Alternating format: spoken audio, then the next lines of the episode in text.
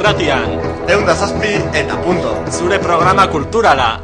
Ta ta ta ta ta ta ta ta ya ya ya ya Etxe bago de tren Etxe monta bago letasun de tren Etxe monta bago letasun de tren Etxe monta bago letasun de tren Demoler, demoler, demoler, demoler Etxe monta bago letasun de tren Demoler, demoler estación de tren, demoler, demoler la estación de tren.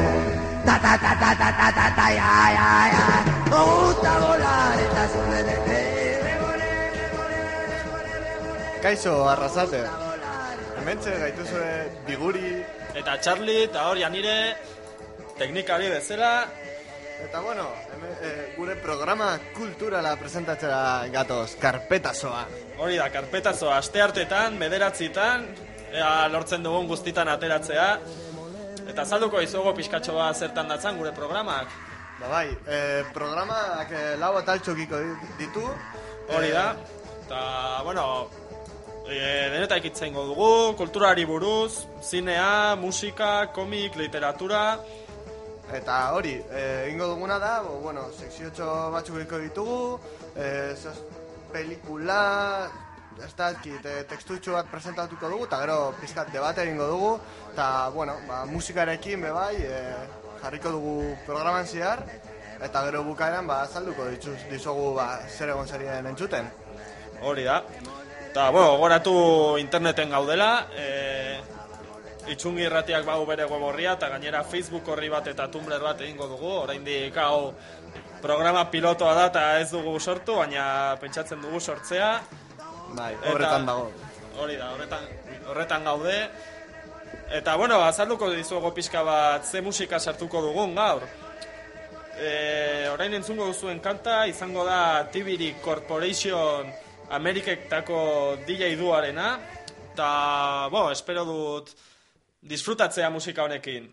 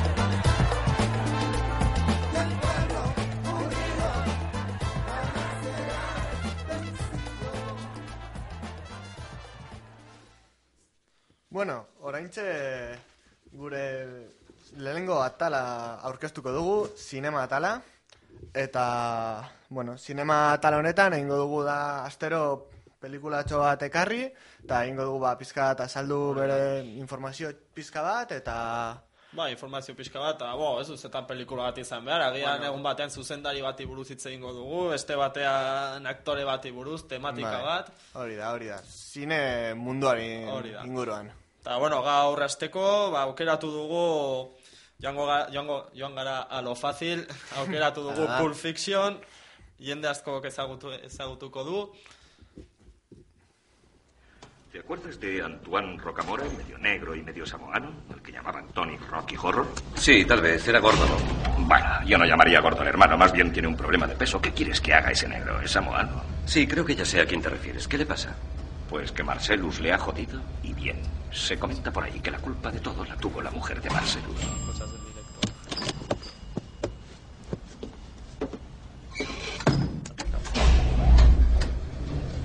¿Qué hizo? ¿Follársela? No, no, no, no, nada tan grave. Pues ¿qué hizo entonces? Le hizo un masaje en los pies. Ja, ¿Un masaje en los pies? bai. ¿Solo eso? ¿Y Marcelus qué hizo? Envió un par de tíos a su piso, le sacaron al balcón y le arrojaron al vacío. Ese negro voló cuatro pisos. Había un jardincillo abajo, cubierto con cristales, como un invernadero. El negro los atravesó al caer. Desde entonces tiene como un pequeño defecto al hablar. Es una auténtica lástima.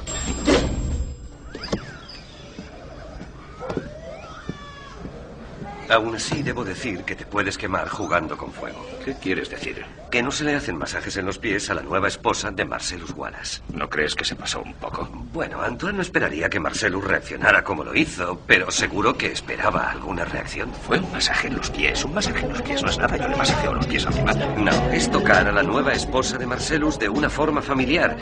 ¿Es tan, tan grave como comerle el coño? No. Pero es el mismo jodido juego. Oh, oh, oh, espera un poco. Comerle el coño a la zorra o masajearle.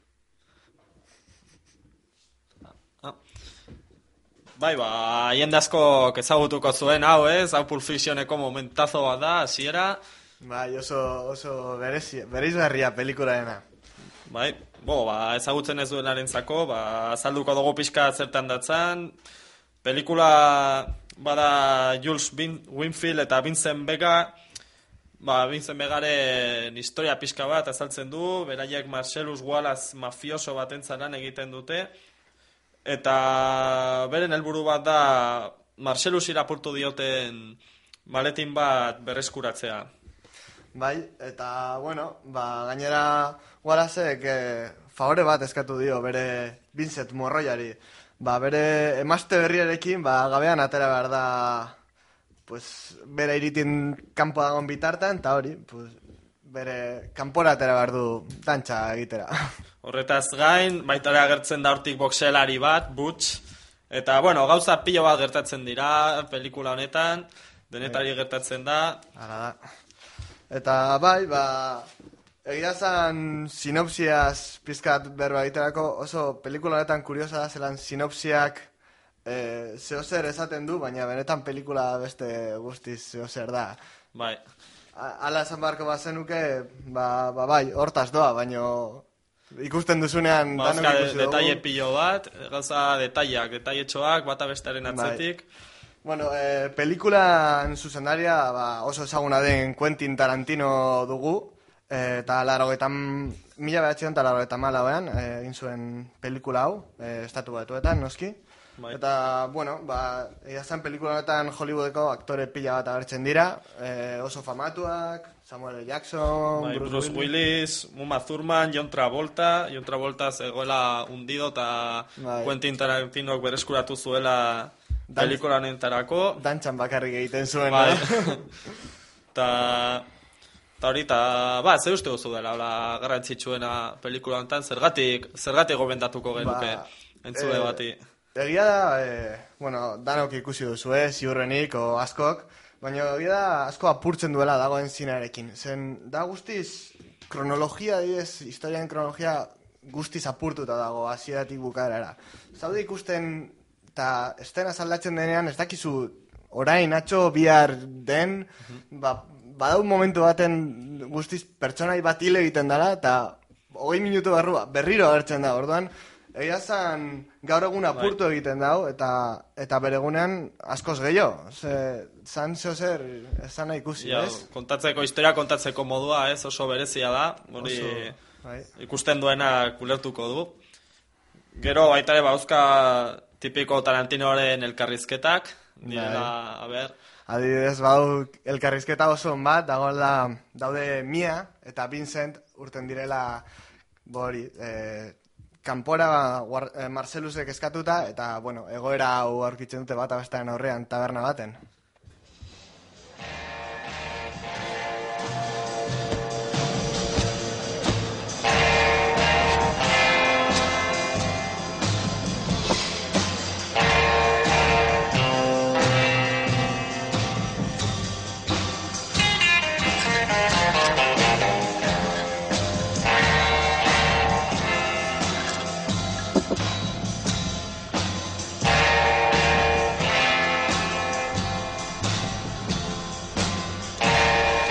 Los odias.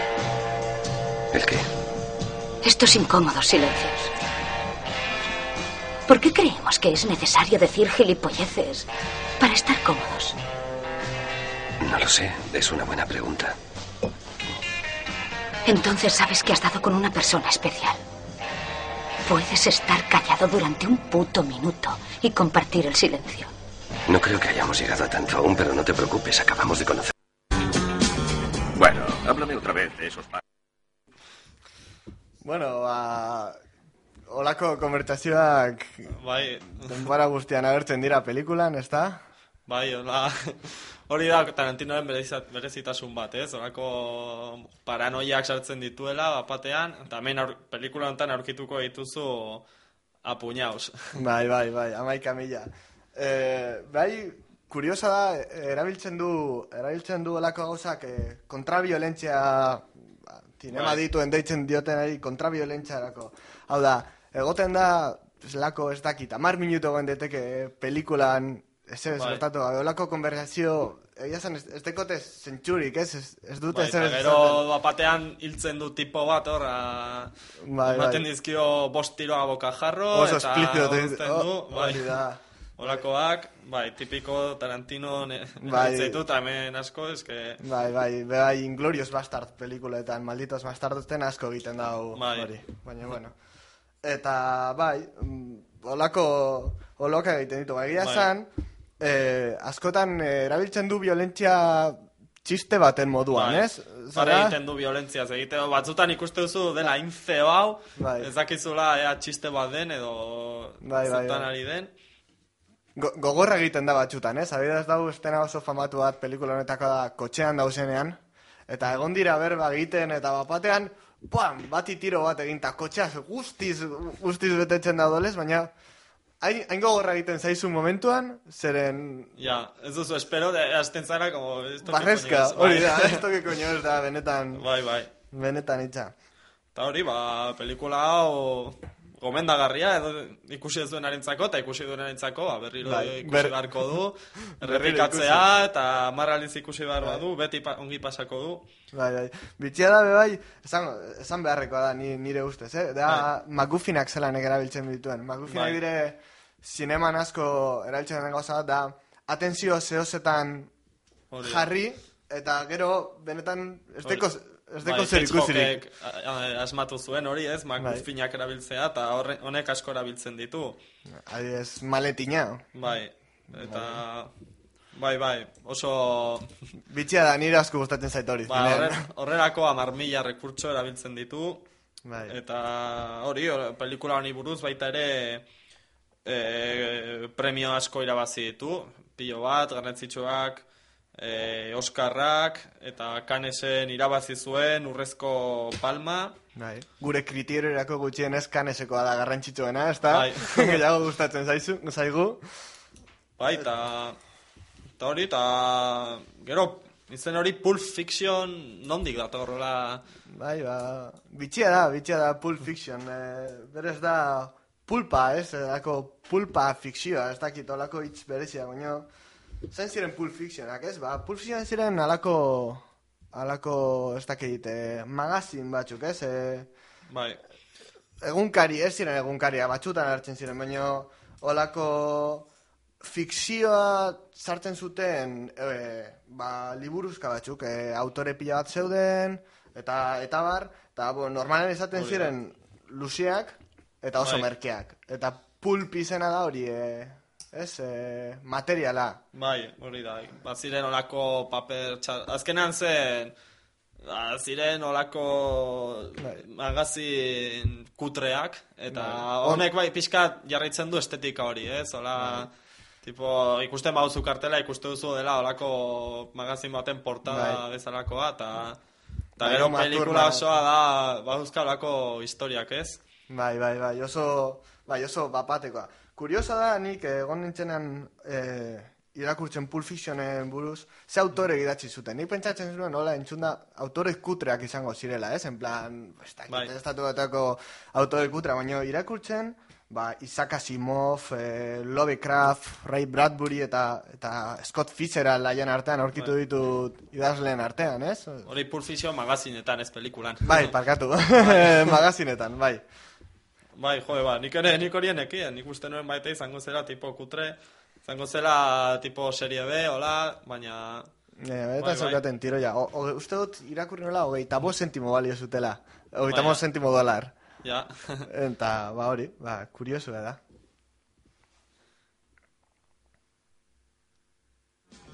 Bueno, háblame otra vez de esos bares de hashish. Vale, ¿qué quieres saber? Allí el hashish es legal, ¿no? Es legal, pero no al 100%. Por ejemplo, no puedes entrar en un restaurante, liarte un porro y ponerte a fumar. Ellos quieren que fumes en tu casa o en sitios determinados. ¿Dónde?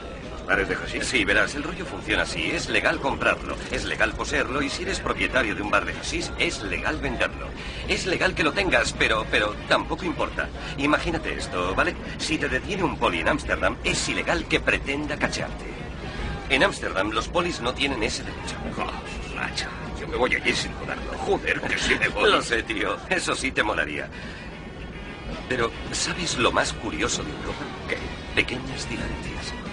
También ellos tienen la misma mierda que aquí, pero hay algunas diferencias. Por ejemplo, Pues puedes meterte en cualquier cine de Ámsterdam y tomarte una cerveza.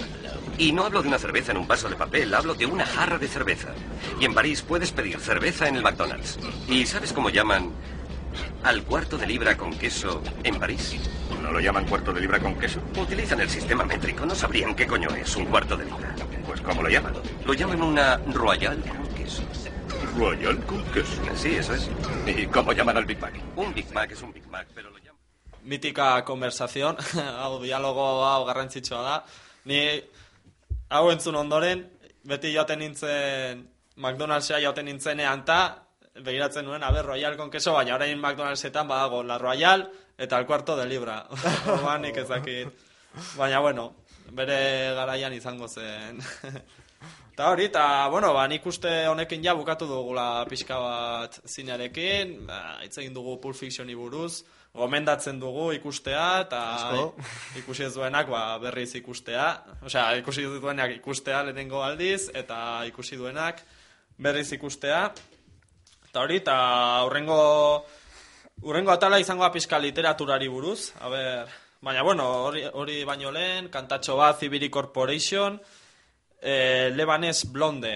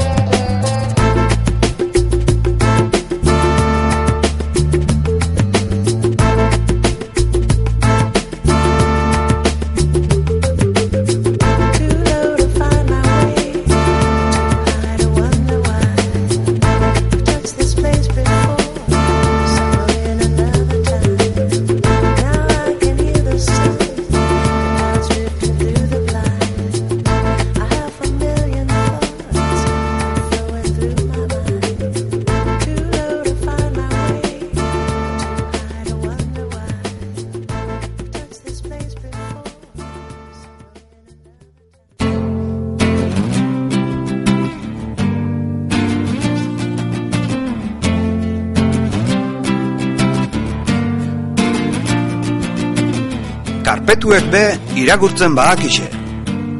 Karpetasoko literatur txokuen zaz.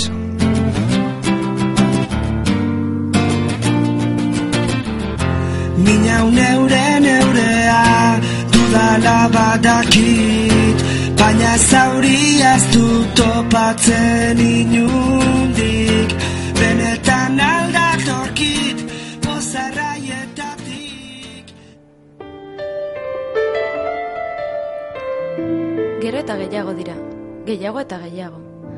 Honezkero, pila bat dira. Edo zein momentutan hiri hartu behar dutela dirudi. Lehenengoa, supermerkatuko hilaran ikusi nuen lehenengoz. Edo orduan konturatu nintzen behintzat desberdina zela. Hala ere, nik uste dut lehenagotik ere ikusi nuela bateron bat. Baina ia arkabean pasatu nuela. Beraren gana arretarik paratu gabe. Postontziekin gertatzen den bezala. Ikusi ditugula bai, baina zehazki nun jakin gabe. Hanengoen ni, nire espinaka, Roquefort eta zerbezekin. Ilaran, itxaroten, eta inguruko nabardurei begira hasi nintzen. Aurreko neskaren hotzarako produkturik gehienak bio edo fibra edo integral leloarekin lagunduka, lagunduta zioazela konturatu nintzen. Ezkerretako armairu tipikoa ikusi nuen ondoren. Bizarra egiteko xaflaz, pilaz eta txiklez betea. Eta ez ote ziren aurreko asteko berdinak galdetu nion neure buruari. Gero, atzera begiratu nuen, eta han ikusi nuen bera. Horrela, hurbiletik eta astiro ikusi ez gero, orduan konturatu nintzen desberdina zela. Eta jakin mina sentitu nuen. Zer egiten ote zuen hemen? Ze pentsamendu mota erabiliko ote zituen bera bezalako batek? Zer egingo ote zuen supermerkatutik irtetzean? Eta guzti honen inguruan gogoetan enbilela, begiratu egin ninduen. Harrapatu egin ninduen, hobesan da. Nik irribarre behartu bat eta eskas bat luzatu nion, eta aurrera begiratu nuen. Aurrekoaren erosketak eta nireak banatzeko tramankulu hori hartu eta gure produktuen artean ipini nuen. Ez eroso nengoen, baina beno, besteri barik, ondo bainekien ez nuela deliturik egin. Hala ere, atzean eukanaren misterioa jakimina piztu zidan. Erakarri eta izutu ere egiten induen neurri batean. Nor, nondik, zertara eta noiztik. Galdera asko pilatzen zitzaizkian buruan. Rokeforta zerbezen bai gainean ipintzen nuen artean zapaldu ez edin. Gerora gehiago ikusi nituen. Hasieran banaka bakar batzuk, metroan ala okindegian, zebrabide, zebrabide, zebrabideetan ala tabernaren batean. Misteriotsuak ziren oso. Ez nen euretako bakar bat ere berba egiten harrapatzerik lortzen. Ez zuten sekula egunkaririk aladismanik soinean eramaten. Ez ziren telebistan agertzen. Eta bat ere ez, ez ziren nire lagunen baten laguna. Egunak aurrera joan ahala, gero eta gehiago ikusten nituen. Batzuetan, gainera, binaka ere ikusi nituen. Oso gutxi egiten zuten berba. Eta egiten zutenean ere, oso basu. Kasu horietan, disimulo zurbiltzen saiatzen nintzen zertaz ari ziren jakiteko. Baina ez nuen sekula lortzen hitz bakar bat ere entzuterik. Hurbiltzen ni- nintzenean isildu egiten zirela zirudien. Hasieran, zizkuntzatan hariko ote ziren jakingure izaten nuen. Bukaeran, edozer jakitearekin posten nintzen, baina ez nuen ezer ere lortzen. Eta bitartean, beste inort ez zera ez zela eure presentzia zohartzen iruditzen zitzaidan. Egia esan, ezen erraza euren presentzia somatzea, oso isilak eta ieskorrak zirelako. Elurte batean elur malu eta grisago bat eroriko balitz bezala, eta gero beste bat, eta gehiago, eta gero eta gehiago. Ziurkaleak grisegon arte inorezela ezertaz konturatuko. Ez hasierako elur malu eta grisaieri, arreta jarri ezean, behintzat. Eta nola jarri arreta, kasualitate ditzen duten horietako batengatik ez bada. Hasieran tximleta lokartu batek, soiltasunez jausten diren lurte maluta gris horieri. Nik jarri nion, halako hasierako bateri, eta orain inorez konturatzea iruditzen zait harrigarriena. Izan ere, hainbeste dira. Nire portalean bertan, jadanik euretako pare bat bizi direla iruditzen zait, baina ez nago ziur zein pisutan bizi diren. Behin, portalera heltzen ari nintzela, urrutitik ikusi nuen euretako bat barrutik irtetzen. Beste ben, buzoian gutonak batatz- batzen ari nintzela, atzetik beste bat pasatu zitzaiala iruditu, iruditu zitzaidan. Baina laupabuz gutun okotzarekin helduta nituenez, ezin izan nuen buelta eman eta berari zuzen begiratu. Geroztik, arretan diagoa jartzen dut portalean ere, eskaileretan bera alagora noala. Azkenaldian, bikoteka baino talde handiagoetan batuak ikusi ditut kalean zehar. Unibertsitateen parean hiruko talde batekin gurutzatu nintzen neren egun. Lau ikusi nituen autobus batera igotzen. Eta bost, sei, zazpi, ala talde handiagoetan ere ikusi ditut kalean zehar ibiltzen. Eta oraindik inorez de lauren presentziaz konturatu ematen du. Baina nola liteke. Atzo lehenengoz euretako bat ikusi nuen telebistan. Albistegi batean azkenaldiko elurra zioa hartuten, eta euretako bat pasatu zen berri emailearen atzetik, beste Andre biren artetik. Eta momentu batean kamarara zuzenean begiratu zuela iruditu zitzaidan. Orduan konturatu nintzen, ura zela euretako batek begietara zuzen begiratzen zian lehenengo aldia. Ordura arte ez zian euretako batek ere begierata, begietara begiratu. Ies egiten ziaten eure begiradek, eta hori izan zen lehen aldia, niretzat eta telebista ikusten zuten guztientzat. Geroztik, atzotik, gurutzatu zaizkian denek begiratu naute begietara. Gero eta gehiago dira, gehiago eta gehiago. Honezkero pile bat dira. Edo zein momentutan hiri hartu behar dutela dirudi. Talde handitan dabiltza, gero eta handiagotan, eta donon daude jadanik.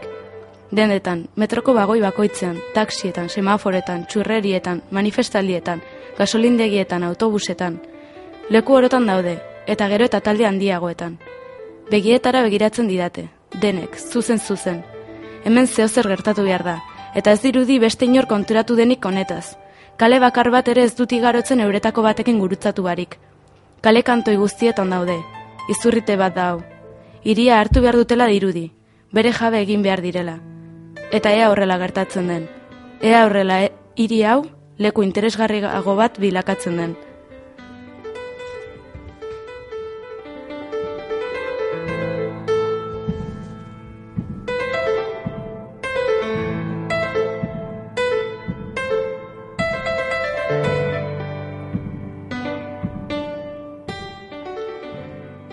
Pero Magdalenaren gero eta gehiago dira, entzun dugu, lile liburutik ateratakoa, eta, bueno, hori da gaurko zure literatur saioan eukiko duguna. Orain e, urrengo beste Zibiri Corpor- Corporationen kanta bat entzungo dugu.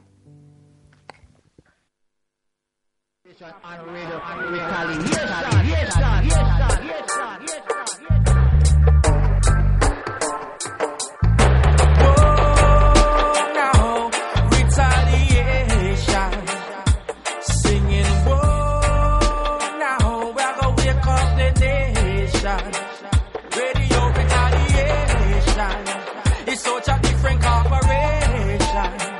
We taking over your station.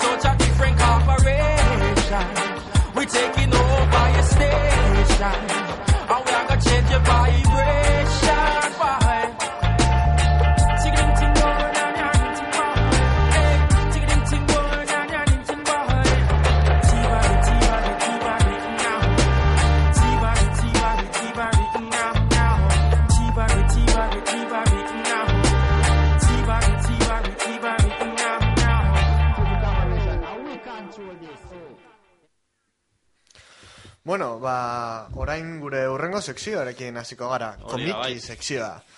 Bai. Eh, sekzioarekin hasi aurretikan gustatuko litzeguke, ba, pizkat... Eh, komentatzea, ez? bai. Zergatik komikiak eta... E, saiatu nahi dugu pixka programa guztietan itzein dugu guztiari buruz. Egun batean agian asko zinari buruz eta literaturari buruz ez dugu ezer hitz egingo, agian beste batean, baina saiatuko gara programa guztietan komikari buruz hitz egiten. Eta hori, iruditzen zaigu dela un desconocido, baina... Bai. Azaldu ezagun behar pizka bat zer den komikia irakurtzen ez duenan antzat, ez? Eh, askotan, bueno, ia da nontzat nire bai, a- Bai. irakurtzen hasi horretik, komikia zan, zan Superman, eta Bai, Spiderman. edo Mortadelo y Filemon. Edo Mortadelo y Filemon. Bai, baina, jo, e, e, aukera asko dauzka komikeak eta noski guztiak bezala ba, evoluzionatu du, eta gaur egun, bo, saiatuko gara erakusten ba, komik edo, bueno, novela grafikoaren Bai. ba, ez dakit, obrarik garrantzitsuenak, baina, bueno, asko utziko ditugu, baina, bueno, saia, ez, erakusten pixkat, ba, ez dela Mortadelo y Filemon, ez dela gai serioak tratatzen direla, eta modu serio batean, Hori da, hori da. Itz klabea esan duzu, novela grafikoa batzutan Bai. gustatzen zaite hitza novela grafikoa, ze askotan no, novela bat da, no, ez da, ez dira Bai. irudiak bakarri, benetan kontatzen duen historia oso oso garrantzitsua izan daiteke eta batzutan ikusten da igual novela bat moduan idatzita ez hain ederra geratuko. E, gaurkoa gehien bat e, ikusiko duzu olako Serioa izango dela. dela. Bai, bueno, gaurko, gaurko eska, eh, aukeratu dugu novela grafikoa, da Pildoras Azules, eh, Frederick Petersena, suizako amarrazkilari bat, eta, bo, argitarietxea asti berri da, nahi duen arentzako, bilatzeko, erosteko, eta, bueno, ba, e, novela grafikonek e, azaltzen du, pixka bat, erakusten du, ba, historio bat, ez, amodio historio bat. Ba, Frederickek, hau esan beharra dago, e, historia autobiografikoa dela, Frederickek, ba, ezagutzen du Kati, eta Kati, ba, Katirekin maite mindu egiten da, eta hasten da, ba, bere, ba, harreman bat, ez? Eta, bueno, bauka berezitasun bat, ez, egoera honek. Azken finean, katik iesa dauka, zero positiboa da, eta seme bat dauka, irurtekoa, zero positiboa baita ere. Eta, karo, azkenean Frederik sartu da hor berenjenal batean, Nahi eta gabe. Hori da, eta gainera autobiografikoa da, eh, ez da, askotan novela grafikoak badauka kutsu autobiografiko bat, eta kasu honetan, ba, hori oso sinzeroa da, oso gauzak, ba, hori, azaltze ditu berak pentsatzen dituen moduan, eta gai honi buruz, ba, iesari buruz, eta berak, ba, bizi izan duenari buruz, ez? Bai, poli, polita da, polita da oso zen hori ikusten duzu ba, askotan iesa asko entzun dugu, oh, bai, Bai. dokumentalak eta dana ikusi ditugu danok, etorri zaizkigu hitz egiten zeden ona eta txarra, baina benetan hau da, hau da nik dut gai bat ez dela asko jorratu. Hau da, Ez. e, da, ies, uste- ies haukin da zelan Bai. euki besteekin erlazioa, ez? O, eta Ja. kasu honetan alrebez, ez? Berak zelan, osea, berak maite egin dau, baina hasieran maite egiten dau neska, baina hasieran asko ikaratzen da. Ze da, Bai, hori. ikatzen da, baina baita ere historian zehar ikusten da berak e, iesari importantzia kentzen diola, osea, badirudi iesaren ikuste, iesaren atzean badagoela sentsazionalismo pilo bat hor, ba, beti sartu dutela baita ere bildurra, badauka, baina hemen eraku, erakusten du, ba, baita ere gaixotasun bat da, gaixotasun serio bat, e, eta ebitatu behar da eukitzea hori ez da, ez da, vamos, ez da galdetu ere egin behar, baina... Kondoia jarri. Bai, baina ez dakit, akusten du nola ez den hainbesterako gauza bat, azkenean gero zaintzen baduzu kontu zibilita eta bizitza pertsona normal bat dela, ez? Ta niri ba, novela grafikoa irakurri, irakurri nuenean, ba, harritu ninduen horrek, ez? Osea, nik uste nuen izango zela, ba, nik banekien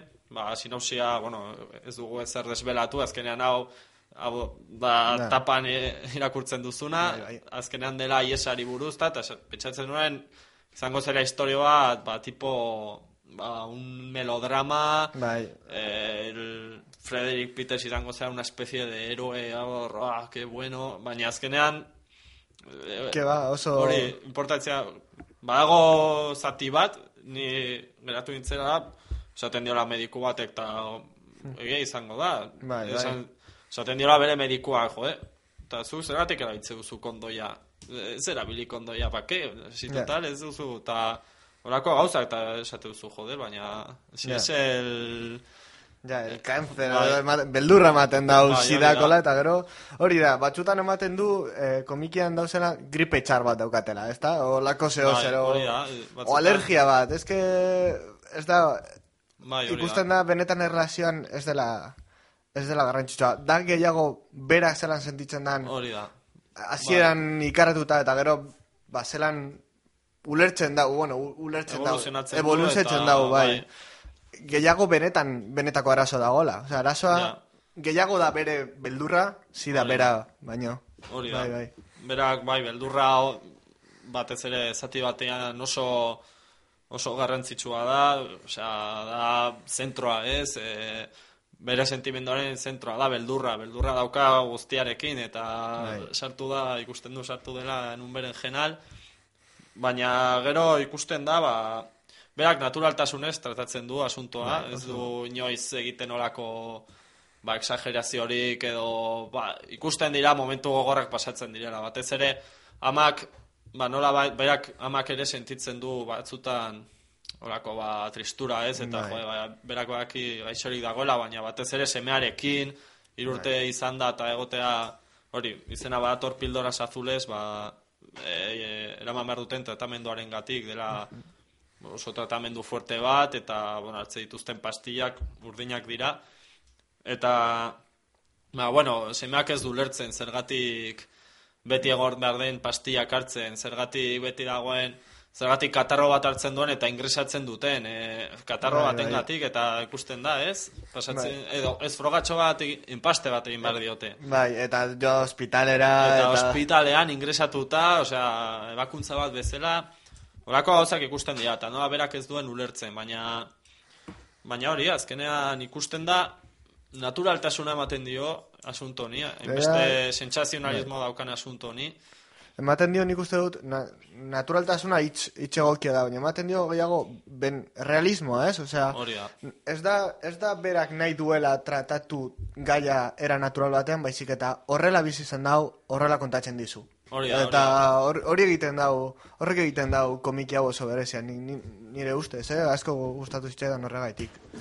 Bai, bai, bai, hori oso hori da gauza, berak erakusten du guztia, berak nola sentitu duen, zer egin duen, nola pentsatu duen guztia, eta Mhm.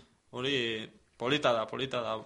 Bai, dau, da, da kurioso bai, ja, ja, itxegin dezagun pizkat igual marrasketari, marrasketa Bai. estil, ¿sabes? Bere, bere marraske estil, estiloa. Nik ikusi Bai. nuen behin bera marrasten, Ah. eta da oso, ez dakit, trazoa, pasada batean egiten du marrazki bat. Ez dauka Ja. bozetorik apenas, eta horrek ematen dio, ez dakit, nik uste dut, zaila da irrati batean azaltxe, baina... Ja, komikari buruz irraten hitz egitea zaila da, baina Bai. bueno.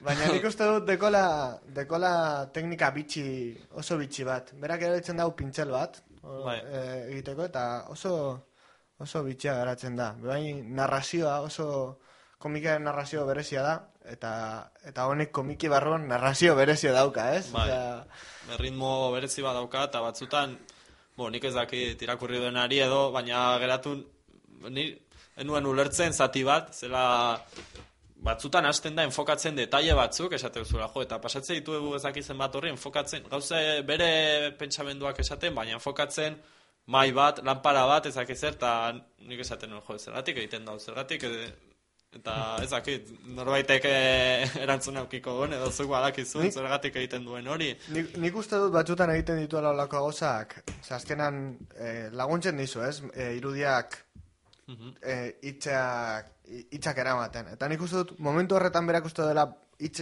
hitzak, bere pentsamendua, o bere, berak pentsatzen ari dena momentu horretan, ba, garrantzitsua dela, ez? Orduan bera, ik, zuk hori ikusten duzunan abstraitzen zara, marrazi, Ja. da, gertatu zaigo da noi ezarrita, Bai. sofan egon da, Bai, da. be- Pixka- horma, hori imitatzen du, ez? Hola, geratzen zaela, tipo... Bai, begiratzen objektu bat, hogei minutu eta, ostia, geratu nahaz atontauta, ez? Ba, nik uste Bai. dut hori oso, hor- hori egiten duela, eta nik, bueno, nik hori sentsazio hori eukin nuen. Bai, ba, begira, hola ez dut pentsatu, baina bai, egia da. Azkenean imitatzen du hori, eh? Sartzen zara, ba, bere... Ba, bere, Bere buruan, buruan eta berak nola...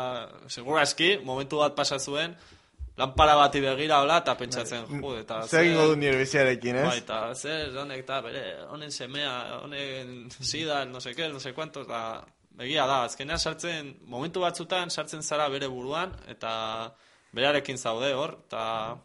E, hori, eh, oso kuriosa iruditzen zaitu narrazio moduan da, komiki osoa, pues, da, oso, oso realista, marrazki moduan esan dut, da, dana ikusten da, dana gertatzen zaiona, baina ez deko ez ere Ja. baina bukaera, bukaeran Bai. berak nahi dizu, era, ez dakit, moraleja bat, mo- ez da moraleja, baina bere azkenengo reflex- reflexioa Bai. erakutsi. Eta orduan dau tipa, mamut bate gainean, ez da? Bai.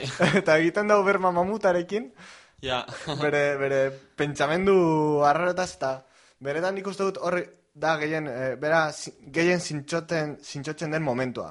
Beretan Bai. esaten du barruan dekona eta mamuta dara bere kon, ez dakit, bere kontzientzia eta errealitatea eta esaten dio, ze zabiz esaten, osea, ja. Bai, jarraitu bai. honekin, ez, ez dakit. Bai, hori, bauzka momentu batzuk direla, como, pum, baita ere, joaten da pixkat, bai, bai, hasten da gauzak egiten gauza oso realista da guztia, oso bere bizitza, baina batean edo rinozerontearena, sentitzen Bai. duela rinozeronte batek harrapatuko duela, edo bauzka Bai, bai. momentuak, oso obra ona da, eta irakurri barrekoa. Irakurri. Pildoras mesedez. azules. Hemengo arrasateko Liburutegian eskuragarri dago. Eskuragarri dago, bai, Bai. doainik, así que... Bai, bai, hartu, eta irakurri Jan- bestela seguro Korrika. jaisten alduzuela, baina, bueno, hobe, eta eh, ordenagailan irukurri baino, ba, Bai, hobe politagoa da- liburuan irakurtzea, Bai, bai. liburutegian. Bueno, ba, hori da gorko komikien Bai, ingurua. Pildoras azules, Frederick Peters eta argitaletxea Astiberri.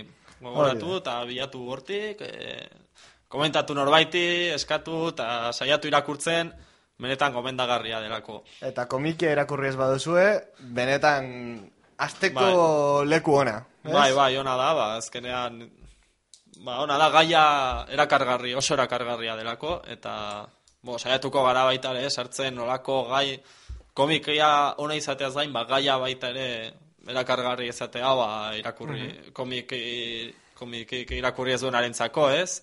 Hala da, Eta, baina, bueno, joango gara, gutxinaka, gutxinaka, ezagutzen ez duenarentzat, ba, pixkat, ba, komikaren mundu utxo hau erakusten, eta, bueno, ezagutzen duenarentzat, ba, espero dugu, ba, obra berriak erakustea, eta, bai, ezagutzen baitu, ba, pixkat berriz reflexionatzea, ez, Vale. buruz. Bai, jakin dezazuen be bai, e, orain web horrian montatzen ari garena, baina bai, bai. web horrian jarriko ditugula urrengo astean komentatuko nahi ditugun kasunetan komikia, baina bestelakoak be bai, eta horrela, bueno, nahi izan eskero Bai. bai, irakurri, eta, Hori eta gero entzun gure erreflexio Bai. abstraktuak. bueno, es, komentatuko dugu, ez, esan dugu web horria daukagula, baina ez zein den. Egia da. Eta, bueno, ireki dugu eh, Facebooken horri bat, oraindik ez dago ongi montatuta, baina jarriko dizkiogu argazkitxoak eta eta polita jarriko dugu. Eta da, bo, web horria bakizu nola den, facebook.com barra eta karpetazoa, gure karekin, gure izena, eta Tumblrra da ezagutzen duen ez duenarentzako, da, idazten da T-U-M-B-L-R, Hala da. Eta da- karpetasoa.tumblr.com hori da. T-U-M-B-L-R. R, bai, bilatu, bestera Googleen bilatu Tumblr zer den, agian batzuk ez dute ezagutzen, da holako blog antzeko bat, baina gehiago orientatuta, ba, e, gauza multimedia asuntotara, eta horrelakoa, pixka, eta ez daki, dinamikoagoa, ez? Bueno, ba, bukatzeko, eh, jarriko Bai. dizuegu beste Thievery Corporationen kanta bat. Hori da, Eta, bueno, gero itxengo dugu pizkat Thievery Corporationen inguruan. hori da. Eta ピンポン。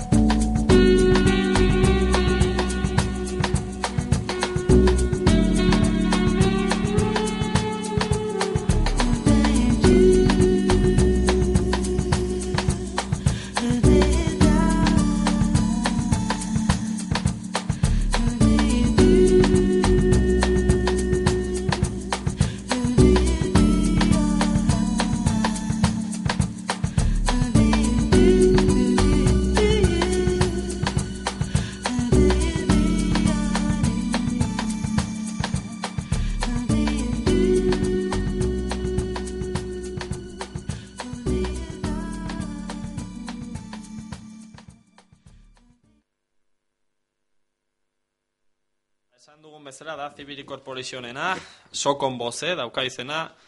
Ta, bueno, azalduko dizuegu pixkatxo bat talde honi buruzko informazioa, eta ba, esan dugun bezala, ba, Amerikaietakoak dira, Washingtonekoak, Washington DC. Eta, bueno, te, bikote hau ezagutu ziren, bi pertsona dira, e, Rob Garza eta Eric Hilton, e, ezagutu, elkar ezagutu zuten, ba, e, mila etzeun bostean, ez da talde berria, ez da...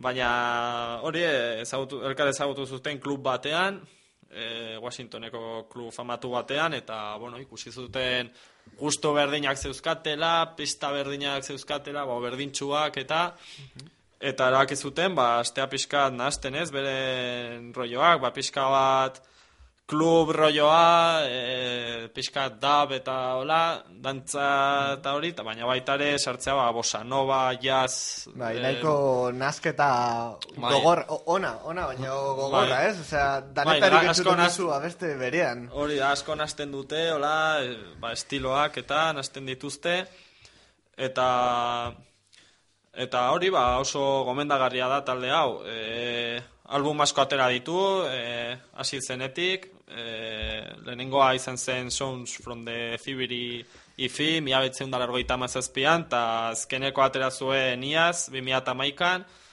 e, Culture of Fear, eta, bueno, bauzka e, zazpi album, hola, editatuta, eta horretaz aparte bauzka e, e, 12 pulgadas eta olakoak, eta singleak eta aterata, eta hori, ni gomenda, gomendatuko nuke, ba, nire gehien gustatzen zaidana da Radio Retaliation kanta, osea, kanta e, diska, hori asko gustatzen zait, eta hori, pixkat, gero talde honi buruz e, informazio gehiago, la pixkat datu gehiago, ba, joan ziren evoluzionatzen ez, eta e, geroz eta konpromesu politiko eta sozial handiagoa joan dira hartzen ez. Bai, lehenengo abeste entzun duguna El Pueblo Unido. Bai, hori da? Radio Retaliation, Radio Retaliation da beren eh, azken aurreko diska, 2008koa, eta hori, eh, hor ja diska horretan entzuten duzu, ba, ukatela,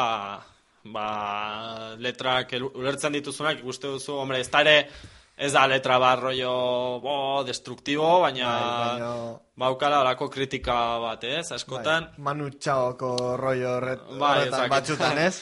Bai, bueno, bai. bauka, bai, olako zeo zer. Zeo zer jartxagatik antzeko Bai, zer, nahiko tipo- desberdina da, ez? Bai, baina, bueno, bauka orkutxu, la, de mestizaje eta bat badauka talde Bai, honek. bai. Ta, ta hori, e, oso aktiboak izan ziren, eta famatuak egin ziren, e, George Bushen kontra egon zirelako, ba hori, Irakeko gerran, eta e, Irakeko gerra izan zenean, eta eta hori, ba, ikust, gutxinaka gutxinaka joan dira hartzen, ba, kritika gehiago, eta guzti hori. Nik esan behar dut, Bai. pertsonalki ez nuela ezagutzen, hori Ja. zuk erakutsi zenean ba, programa honekin azteko, eta gustatu egin zait, eh? egia esan, ba, zeo zer egiten zauden bitartean, nola jartzen Bai. duzu fondo, eta Bai, nahiko... baukala, rollo ambient bat, ez? Bai. Rollo longe. Hori da, nahiko, nahiko ona, eta behai, ba, ba, zu behai esan zenidan, baina hori nik esango nuke hasi entzuten, baina baten batez bazaizu gehiago gustatzen, saiatu beste batekin, ze benetan oso desberdinak dira haien Bai, artean. bai, bai, hori Zer- egia da.